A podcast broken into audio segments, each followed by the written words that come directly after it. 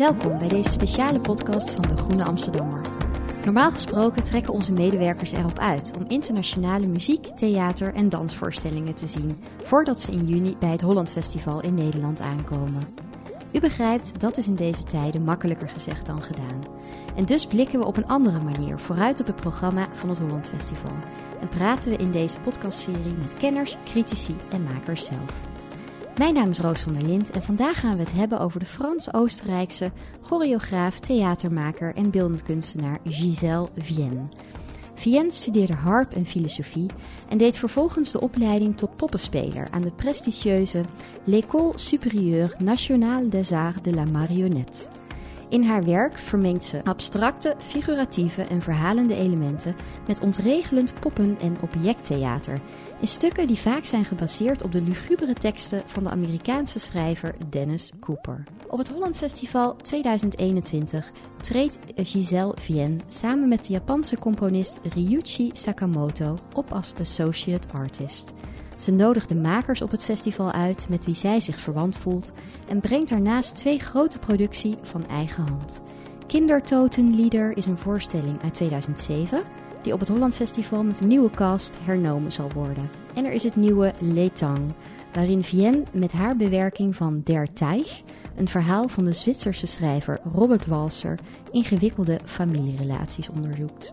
Ik spreek over Giselle Vienne en haar nieuwe voorstellingen met critici Marijn van der Jacht en Judith Franke. Welkom Marijn en Judith. Ja, dank je. dank je. Marijn van der Jacht uh, schrijft voor De Groene, onder meer over toneel en dans. En werkt in het theater als dramaturg en regisseur. Judith Franke is kunsthistoricus, schrijver, redacteur en voormalig danser.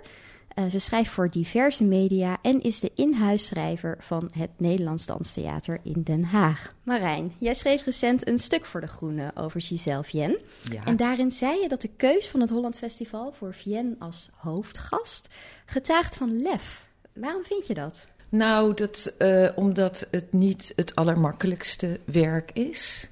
En uh, ik vind het ook, het verheugde me ook dat ze dat hadden gedaan. Want het is heel uh, bijzonder werk. Dus het zijn totaal geen gewone toneelstukken, maar het zijn echt gezamtkunstwerken, op zijn Duits gezegd. En waarbij bijvoorbeeld licht en geluid ook heel belangrijk is. En um, nou, ze werkt bijvoorbeeld bij, zowel bij Kindertotenlieder als bij Crowd, wat eerder op het Holland Festival te zien is, grote choreografie. Uh, op een heel bijzondere manier met licht, waardoor je eigenlijk in een soort schemering zit te turen en soms niet zo goed weet wat je eigenlijk ziet. En um, bij haar uh, zijn al die elementen die worden in een soort van compositie naast elkaar gelegd. Mm. Uh, hm. En uh, bijvoorbeeld dat, dat werk van die groep, uh, die, die muziekgroep, dat is heel belangrijk. En die, nou, dan heb je een soort een score van een soort ja, techno-muziek met allemaal vreemde verstoringen erin en ritmeveranderingen. En zo'n score is dan de hele voorstelling lang te zien bij, bij Crowd. Nou, dat was eigenlijk, het was gewoon loeiharde muziek. En um, dus het is uh, visueel is het nogal uitdagend en, en om het precies te volgen. Um, en uh, ze houdt zich altijd bezig met de duisternis uh, van, ja, eigenlijk van de, van, van de mens. Ja, want het is, het is geen lichte kost. Nee. Um, en uh, Judith, het thema van het Holland Festival dit jaar is Wat maakt de mens? En dat thema is mede ingegeven door de Associate Artists en dus ook door Vienne. Vind je dat een typisch thema dat past in het straatje van Vienne?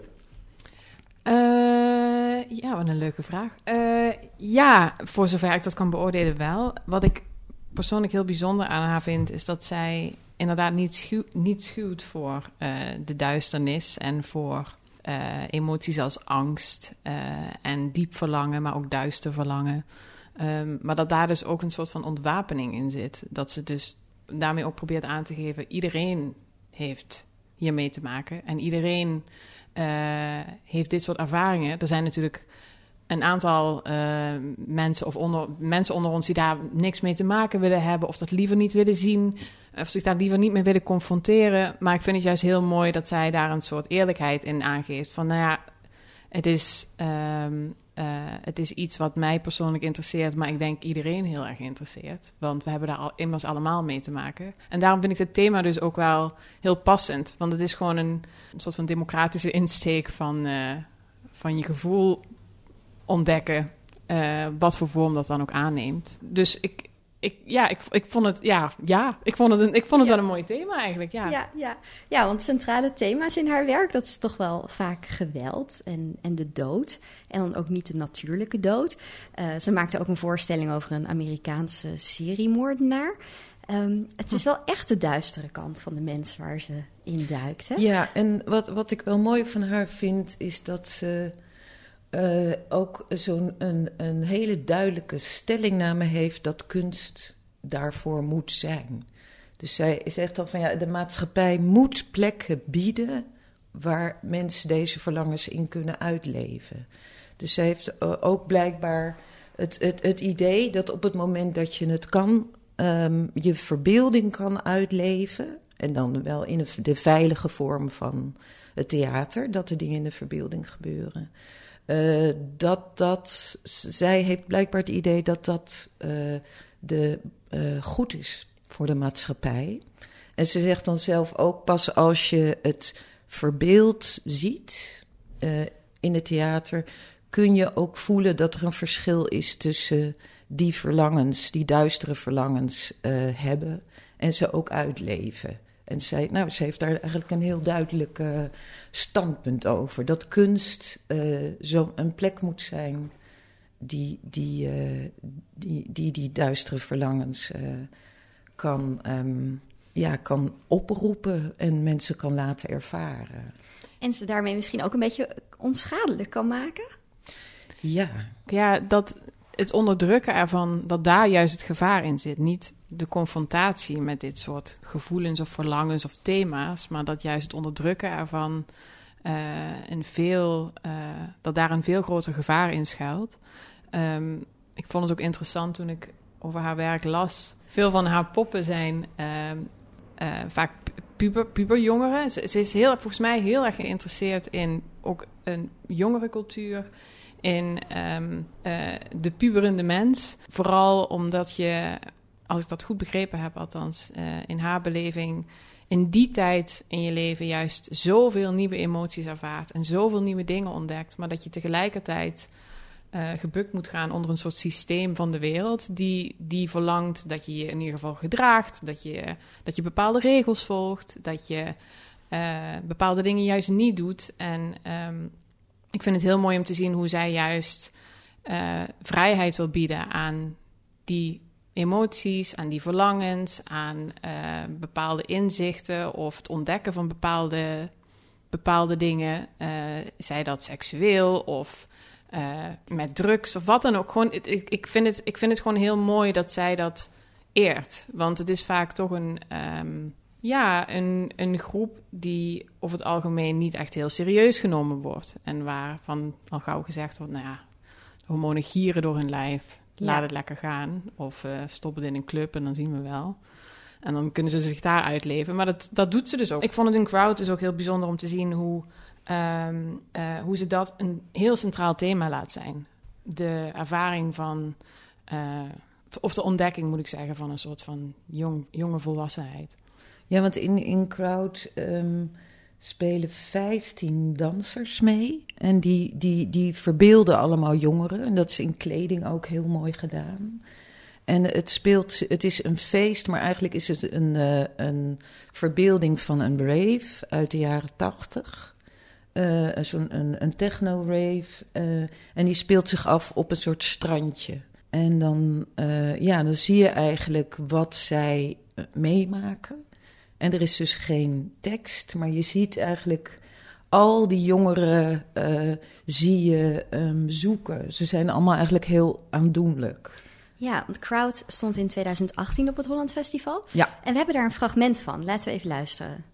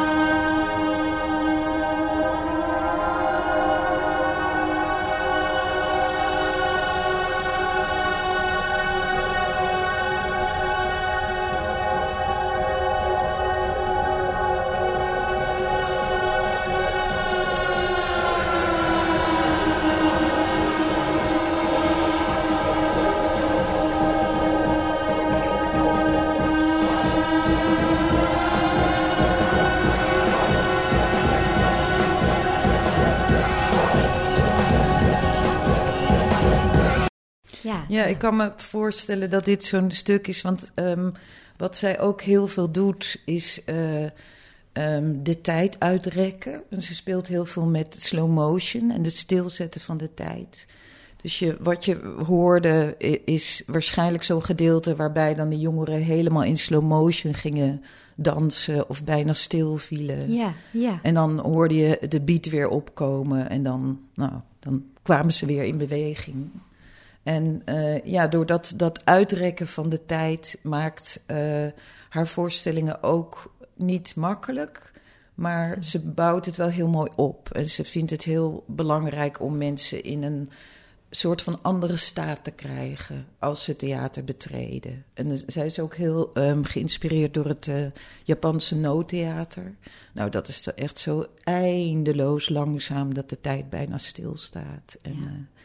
Ja, dus die, die, zo vervormt ze eigenlijk ook de, de, uh, het, het tijdsbesef van, van de mensen die, uh, die aanwezig zijn. Ja, en jij hebt Crowd live gezien. Ja. Hoe was dat? Het is, als je een registratie bekijkt, dat is ook heel anders natuurlijk dan wanneer je het in het echt ziet. Um... Nou, wat ik al super mooi vond was het begin. Want het begon dus uh, in een grote zaal. En het begon in de duisternis. En dan was er alleen een uh, uh, vooraan op het podium een soort plek met allemaal chipszakken en bierblikjes, een beetje viezig strandje, kreeg je het idee. En een beetje zand. En duurde heel lang voordat de spelers opdoemden uit de duisternis. Heel traag lopend. En dat is wel iets typerend voor haar werk. Dat ze eigenlijk heel veel speelt met aanwezigheid en niet-aanwezigheid. En er zijn wel acteurs, maar het zijn tegelijkertijd ook een soort schimmen. En figuren die echt uit de verbeelding komen opdoemen. Dat vind ik heel erg mooi. Ja, ja ik vond dat element van tijd ook uh, bijna een zintuigelijk element worden in haar werk. Waar je, waarbij je het gevoel hebt dat als je naar zo'n uitgerekte beweging kijkt... Het duurt 90 minuten, maar er zijn wat momenten dat het tempo wat, wat hoger ligt... maar dat, dat duurt niet lang. En dat voelt dan als een moment van extase, omdat je denkt... oh, eindelijk oh, eindelijk, daar gaan ze. Ze gaan nu mee in het ritme, in dat ja. opzwepende ritme ja. wat je de hele tijd hoort. Um, maar dat blijft, die echte extase en die echte climax blijft eigenlijk uit. En ik vind dat zo spannend hoe zij daar um, zonder pardon ook um, mee speelt. Ik moest namelijk heel erg denken toen ik het werk zag aan uh, een werk van Michele Rizzo, een uh, jonge choreograaf die drie jaar geleden in het Stedelijk Museum een, uh, een werk, Higher heette dat. Dat was een, een, volgens mij een langere versie van een werk uit 2015, waarin dansers uit het publiek het, het, het, toneel betreden en steeds sneller dezelfde sequentie dansen. En dus wel echt meegaan in dat ritme. Dus dat wordt zo'n hele opzwepende, zweterige bedoeling. Ergens hoop je in crowd dat dat ook gebeurt. Je hoopt de hele tijd dat, dat mensen ook helemaal losgaan. Ook als je de muziek hoort. En ik kreeg trouwens ontzettende heimwee, want ik heb een tijd lang in Berlijn gewoond en dit voelde echt uh, heerlijk om die muziek weer op die manier yeah. te horen. Um, maar ik vind het dus super spannend hoe ze dus juist dat niet doet. Ze doet dus juist niet wat je verwacht. En nee, er is een hele hoge mate van controle, toch, in die bewegingen? Ja, absoluut. Ik vraag me trouwens ook echt af hoe het voor de dansers is om dit te dansen. Volgens mij is het ontzettend zwaar om dit 90 minuten lang te doen. Want het is natuurlijk traag en uitgerekt. En bij vlagen ook heel technisch en ingewikkeld. Want er zitten een paar sequenties in, althans in de stukken die ik gezien heb, die... Uh, uh, ja, behoorlijk complex zijn. Maar ik vraag me heel erg af. Ik ben echt heel benieuwd hoe een danser uh, van haar werk uh, hierover denkt. En hoe het voelt om dat werk op die manier vorm te geven. Ja, ja. ja. Nu is Vienne natuurlijk opgeleid uh, tot poppenspeelster. Um, en we hebben een fragment waarin ze daarover vertelt. Jonathan and me, we are actually trained as puppeteers. And it's the first time after nine years that we do a more obvious puppet play. But uh, we were taught glove puppetry by uh, three different masters and of pup, glove puppetry, and one uh, told us glove glove is really like you put it on the fist, so it's like, and also the way it moves, it's more like cartoonish, so it's kind of more violent and dynamic. I think this topic of what is traditional or not is very important because I think uh, people who would think in a very conservative way of, often use the term of tradition and are actually betraying the tradition. And if you really consider the original repertory of glove puppetry, it's really hardcore.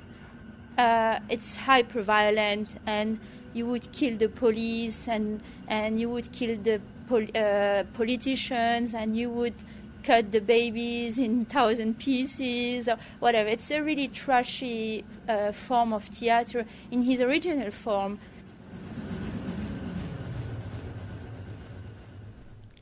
Ja, wat ik, wat ik zo leuk vind van uh, als je haar hoort praten. Ze is uh, dus uh, Franstalig op, opgevoed. Um, wat ik zo leuk vind is dat ze praat eigenlijk heel lacherig, een beetje meisjesachtig. En dan vertelt ze hier naar aanleiding van de voorstelling Jerk. En die gaat over een Amerikaanse seriemoordenaar. En die heeft ze uitgebeeld door een acteur waar ze heel veel mee werkte. En met wie ze ook op die poppentheateropleiding heeft gezeten. Die heeft twee poppen op schoot, een beer en een jongetje, nog een teddybeer. En die gaan verschrikkelijk tegen elkaar tekeer. En die verscheuren elkaar zo ongeveer. En um, wat ik mooi vind van haar is dat zij zich heel erg bewust is van de traditie. Want ze zegt hier iets over. Ze heeft dan kritiek gekregen op die voorstelling van. Ja, je, je, je bent nu wel de traditie van de handpoppen ben je nu wel helemaal aan het moderniseren. En dan zegt zij, ja, maar ja, de echte traditie van de glove puppets, die, die, die komt eigenlijk, die was heel gewelddadig. En dan doet ze, het is een filmpje waar, waar, waaruit je dit fragment hoort. Dan zegt ze van, ja, we hebben geleerd van een leraar uh, uh, hand, de, de, zeg maar de kunst van het handpoppen uh, om daarmee te werken. En hij vertelde ons, de handpoppen, daar, daar, de handpop, daar steek je je vuist in. En dan doet ze haar vuist zo omhoog. En um, ja, ik vind het heel mooi. Iemand die eigenlijk heel, ze is heel talig. Ze kan enorm ingewikkeld filosoferen. Ze heeft dus ook filosofie gedaan. Uh, maar uiteindelijk wilde ze uh, meer doen met de emoties en met het lichaam. Dat miste ze eigenlijk in haar studie filosofie. En toen kwam ze dus terecht bij dat poppentheater. En uh, hoewel het heel tot volkomen eigentijds is wat ze doet, want ze gebruikt ook manshoge poppenfiguren. Die zitten ook in de twee voorstellingen die op het Hollands mm -hmm. Festival komen. Um, maar ze gebruikt allerlei soorten poppen, etalagepoppen. Uh, en dus dit was een, een voorstelling met, met handpoppen. En hoe zet zij die in? Wat wil zij daarmee bereiken? Ja, voor haar is uh, uh, heel belangrijk het. het um, de, ze, ze beslaat eigenlijk steeds het terrein tussen het menselijke en het niet-menselijke.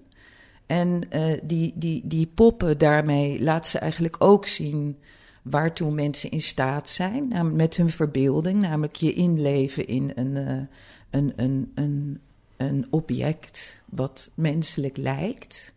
Um, maar ik denk dat ze daarmee ook uh, het, het ja, machinale in, in, in de mens uh, ook probeert te benadrukken. Dus ze, ze probeert eigenlijk steeds het terrein van het menselijke en het onmenselijke ja. te bestrijken. Waar, waarbij ze dan waarschijnlijk op zoek is naar dat van wat, wat, wat maakt nou de mens. Ja, en misschien ook uh, het onderscheid tussen lichaam en geest naast het menselijke en het niet-menselijke. Waar dat ja. Voor de mens in zit. Ja, ik, ik vond het fascinerend om te zien hoe zij ook, um, naar mijn idee, heel erg speelt met de vertegenwoordiging van zo'n pop. En wat zo'n, hè, omdat zo'n pop er dan heel erg levensecht uit kan zien. Of op uh, alle mensen in ieder geval levensecht kan bewegen. Want uh, ze werkt met ontzettend getalenteerde um, uh, puppetiers. Het, het, Nederlandse woord ontgaat me even, excuses. Poppenspelers, dank je. Um, en ik vind het dus heel interessant om te zien wat dat voor reactie ontlokt bij een publiek. Dat het dus echt, als dus twee poppen elkaar, je weet dat het poppen zijn, maar ze gaan elkaar dus te lijf. Dat dat dus een hele emotionele en bijna fysieke reactie oproept bij een publiek. Ja. Vind ik fascinerend. En ik moest grappig genoeg een beetje denken. Dit is misschien iets te ver gezocht, maar ik moest echt een beetje denken aan vroeger. Ik ben katholiek opgevoed uit het diepe zuiden en liep daar ook in parochies met, ehm, met een uh, Maria-beeld op de schouders van, uh, van de misdienaren en zo. En het is gewoon heel interessant om te zien wat, wat, men, wat mensen allemaal projecteren op een beeld. En op een, uh, op een pop, in dit geval, die een bepaalde uitstraling heeft of op een bepaalde manier vorm gekregen heeft. En dat daar dus ook heel veel betekenis aan opgehangen wordt. En dat vind ik, ik vind het heel spannend hoe zij daar hoe, hoe bewust zij zich daarvan is. Op een soort van menselijke respons op iets wat dus niet menselijk is. Ehm, en ook het soort van het, buitenlichamelijke ervan. Want je ziet natuurlijk die poppenspelers met, met een pop in, in, inderdaad, de vuist gaat erin. Ik vind het heel grappig dat ze dat zo omschrijft. Ehm, maar dat je dus ziet dat daar een andere persoon achter zit. Je ziet die tweedeling van een pop en, een, en de poppenspeler. En toch ontstaat er een soort... Ja, daar ontstaat natuurlijk een relatie tussen, maar ook, ook weer helemaal niet. Het versmelt ook heel erg met elkaar. Dus ik vind het... Ik vind het echt... Ik heb dit eerlijk gezegd niet eerder gezien... bij ook een choreograaf die daar op deze manier mee omgaat. Dus ik vind het uh, heel spannend van haar. En in uh, Kindertotenlieder... Daar um, uh, staan van die manshoge hmm. poppen. Die, ja, die, die maken ook deel uit van het beeldend werk van Giselle mm -hmm. En die, uh, die manshoge poppen, dat zijn allemaal die puberfiguren, uh, staan op het podium. Maar sommige zijn machinaal een beetje in beweging gezet. Maar de acteurs bewegen heel mechanisch of staan helemaal stil. En ook in Kindertotenlieder, daar werkt ze heel veel met sneeuw en met schemering. En um, dus als publiek weet je niet helemaal wie nou pop is en wie niet. Mm ja. En dat is dus een gebied wat zij opzoekt. En um, ze doet ook iets bijzonders met uh, het spreken. Dus de spreektechniek is voor haar heel belangrijk. Ze heeft op die opleiding ook uh, buikspreektechniek heeft zij ook geleerd. En um, zij gebruikte eigenlijk als. Hè, dus je ziet zo'n podium waarop allemaal acteurs. waarop acteurs staan en poppen. En dat gaan we straks ook in Letang zien. En dat is hel verlicht. Dat dus dat is niet zo'n duisternis. Maar wat zij doet met het spreken. is dat zij probeert de stem eigenlijk een beetje weg te halen van het lichaam van de acteur. Zodat de stem klinkt in de ruimte. Dus, en als je dan een ruimte hebt waarin zowel menselijke figuren zijn als poppen, en er klinken allemaal stemmen, ja, dan ga je op een paar moment ook denken van, zijn dit niet de gedachten van de poppen? Of is dit niet ja. de pop die hier, ja. uh, uh, die, die hier spreekt? En hoe doet zij dat, die stemmen weghalen bij een acteur? Ja, dat, dat is echt uh, te techniek. Echt techniek? Ja. Ja. Ja. ja. En ik, ik las dat zij naar aanleiding van Letang, uh, uh, dus wat, wat komt en wat de nieuwe voorstelling is, dat ze door corona konden ze niet uh, repeteren in de, in, de, in de repetitiezaal en konden ze dus niet die compositie maken, daar niet aan verder aan werken. Maar dat ze met de twee actrices eindeloos bij Giselle Vien thuis hebben gewerkt aan dat, aan dat stemmengebruik. En het zijn twee actrices en die spreken met elkaar wel tien stemmen. Dus zij moeten allemaal verschillende stemmen laten klinken. En dat doen ze voornamelijk via uh, uh, klank en dan ook wel hun, hun, hun gezicht, gezichtsuitdrukking. Maar het zit heel erg in de verbeelding van wat de stem oproept. Uh, Wonderlijk. Ja. Ja, ja. Laten we nog even hebben over uh, kindertotenlieder. Uh, we hebben een fragment waarin de schrijver Dennis Cooper zijn tekst voor deze voorstelling voordraagt. Announcer.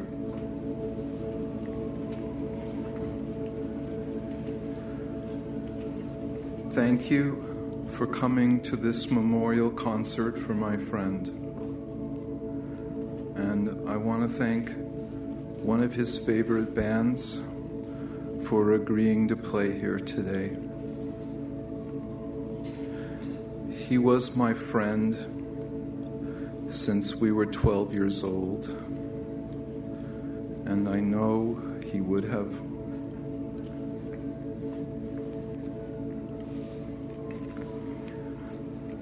two boys.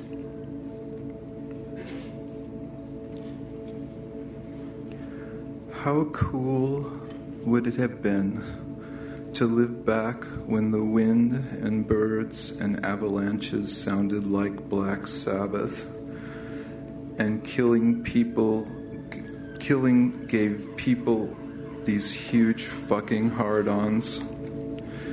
You'd be so dead.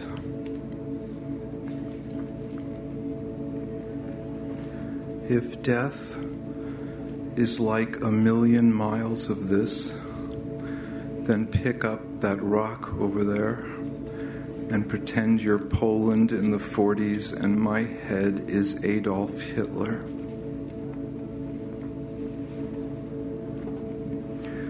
If I rubbed a magic lamp and some genie smoked out and granted me three wishes, I'd wish for a zillion euros, infinite wishes, and that the lamp was your cock.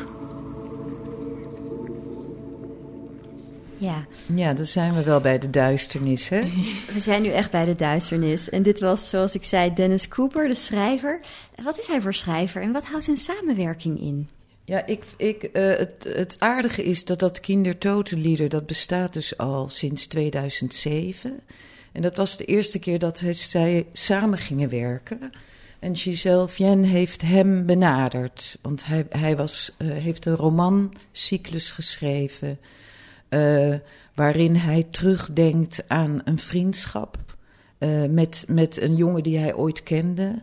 En eh, hij denkt daaraan terug. De, de jongen is dood en hij denkt daaraan terug in een periode dat hij zelf volkomen zich laat gaan in de drugs. En dus die, die romancyclus die is helemaal overgoten met seks- en geweldsfantasieën. En dat vond de Giselle Vienne helemaal geschikt voor haar werk. En ze, hebben dus, eh, ze zijn samen gaan werken bij deze voorstelling. En sindsdien schrijft hij eigenlijk voor alle voorstellingen haar teksten. Ja, ik begreep ook dat hij voor Crowd eh, personages heeft geschreven voor al die 15 dansers. Daar wordt nooit iets over gezegd in de voorstelling. Daar kun je ook nergens iets over lezen. Maar hij heeft ieder, iedere danser van een personage voorzien. En van een achtergrond en een geschiedenis. Wat ik ook een fascinerende rol vond voor hem. Ja, dus We hebben al, natuurlijk al, nu al die anders. jongeren. Ja, Ja, en ik, Ja. dat met andere woorden, hij geeft een soort verdieping ehm, aan het werk, zelfs op momenten dat je dat niet per se meteen kunt zien. En bij Kindertoten Lieder heeft hij veel meer de rol van dramaturg gehad, eh, naar mijn weten. Ik heb begrepen dat, hij daarin, dat ze daarin veel meer een soort partnerschap hebben gevormd. Hoe die voorstelling echt vorm moest krijgen. Ehm, ja en de, de teksten zijn allemaal fragmenten eh, die hij al had geschreven. Dus die Ja. hebben ze samen dan uit zijn, eh, uit zijn werk gehaald. En daarna is hij allemaal eh, nieuwe dingen gaan schrijven ook. ja, Dus het, is, is echt een, het is echt een partner van haar. Ik ken hem alleen als schrijver eh, meer uit een soort Californische traditie van cultschrijvers uit de jaren 70 en 80, als Kathy Acker en Chris Kraus. ehm, eh, maar ook iemand als Mackenzie Wark bijvoorbeeld. En inderdaad, eh, wat Marijn net ook heel terecht zei, dat, die, dat onderzoeken van het, van het fysieke en het geweld. extreme seks. En zo, dat zijn allemaal elementen die in die schrijfstijl en in zijn collega's, in ieder geval de mensen die ik ook graag lees, eh, veel voorkomt. Eh, dus ik vond het ook helemaal niet verbazingwekkend om te, om te lezen dat dat dan een goede match was. Want natuurlijk Ja. is het een goede match, ondanks dat ze echt uit twee verschillende werelden komen, vind ik. Eh, geografisch gezien, maar ook wel. nou ja, zij is, gewoon, zij is gewoon zwaar beïnvloed door de Franse filosofie, maar ook de, de Duitse filosofie. En bij hem is dat natuurlijk heel anders. Maar ik vind het dan bijzonder hoe dat soort van transatlantische zakelijke liefde kan eh, veroorzaken. Ja, ja, ja. ja en eh Kindertotenlieder, de titel, die verwijst naar de beroemde liederencyclus van eh Gustav Mahler. Ja. Heeft het daar verder nog iets mee te maken? Of is dit alleen een verwijzing? Nee, eh, nee nou, dat, dat zijn ook rouw, rouwliederen. Ja. Eh, maar daar houdt het eigenlijk mee op. Ja, misschien om af te ronden. Naar welke voorstelling kijken jullie bijzonder uit? Marijn. Ja, ik kijk wel heel erg uit naar dat Letang.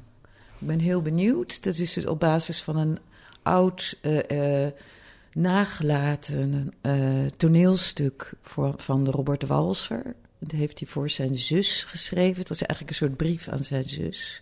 En hier gaat het over een jongen die fantaseert dat hij die, die een soort zelfmoord anseneert om de liefde van zijn moeder te testen. En um, het is een, en Giselle Vienne zegt zelf: Ik heb het gelezen als een spreekstuk voor tien stemmen. Dus ja, dat wordt weer op een hele wonderlijke manier wordt dat, wordt dat geanceneerd. Dus we zullen geen familie zien met kinderen, maar we zien twee actrices en poppen. En we horen stemmen. En die gaan dat samen uh, doen. Ja. ja. En jij, Judith? Ja, ik ben daar ook heel erg benieuwd naar. Ook omdat het voor mij dan echt de eerste kans wordt om uh, werk van haar in, uh, in levende lijven te zien. Ja, ja. Um, en ik kijk eerlijk gezegd ook, dat staat daar haaks op, maar ik kijk ook wel erg uit naar Grote Fuge van uh, Hans van Manen.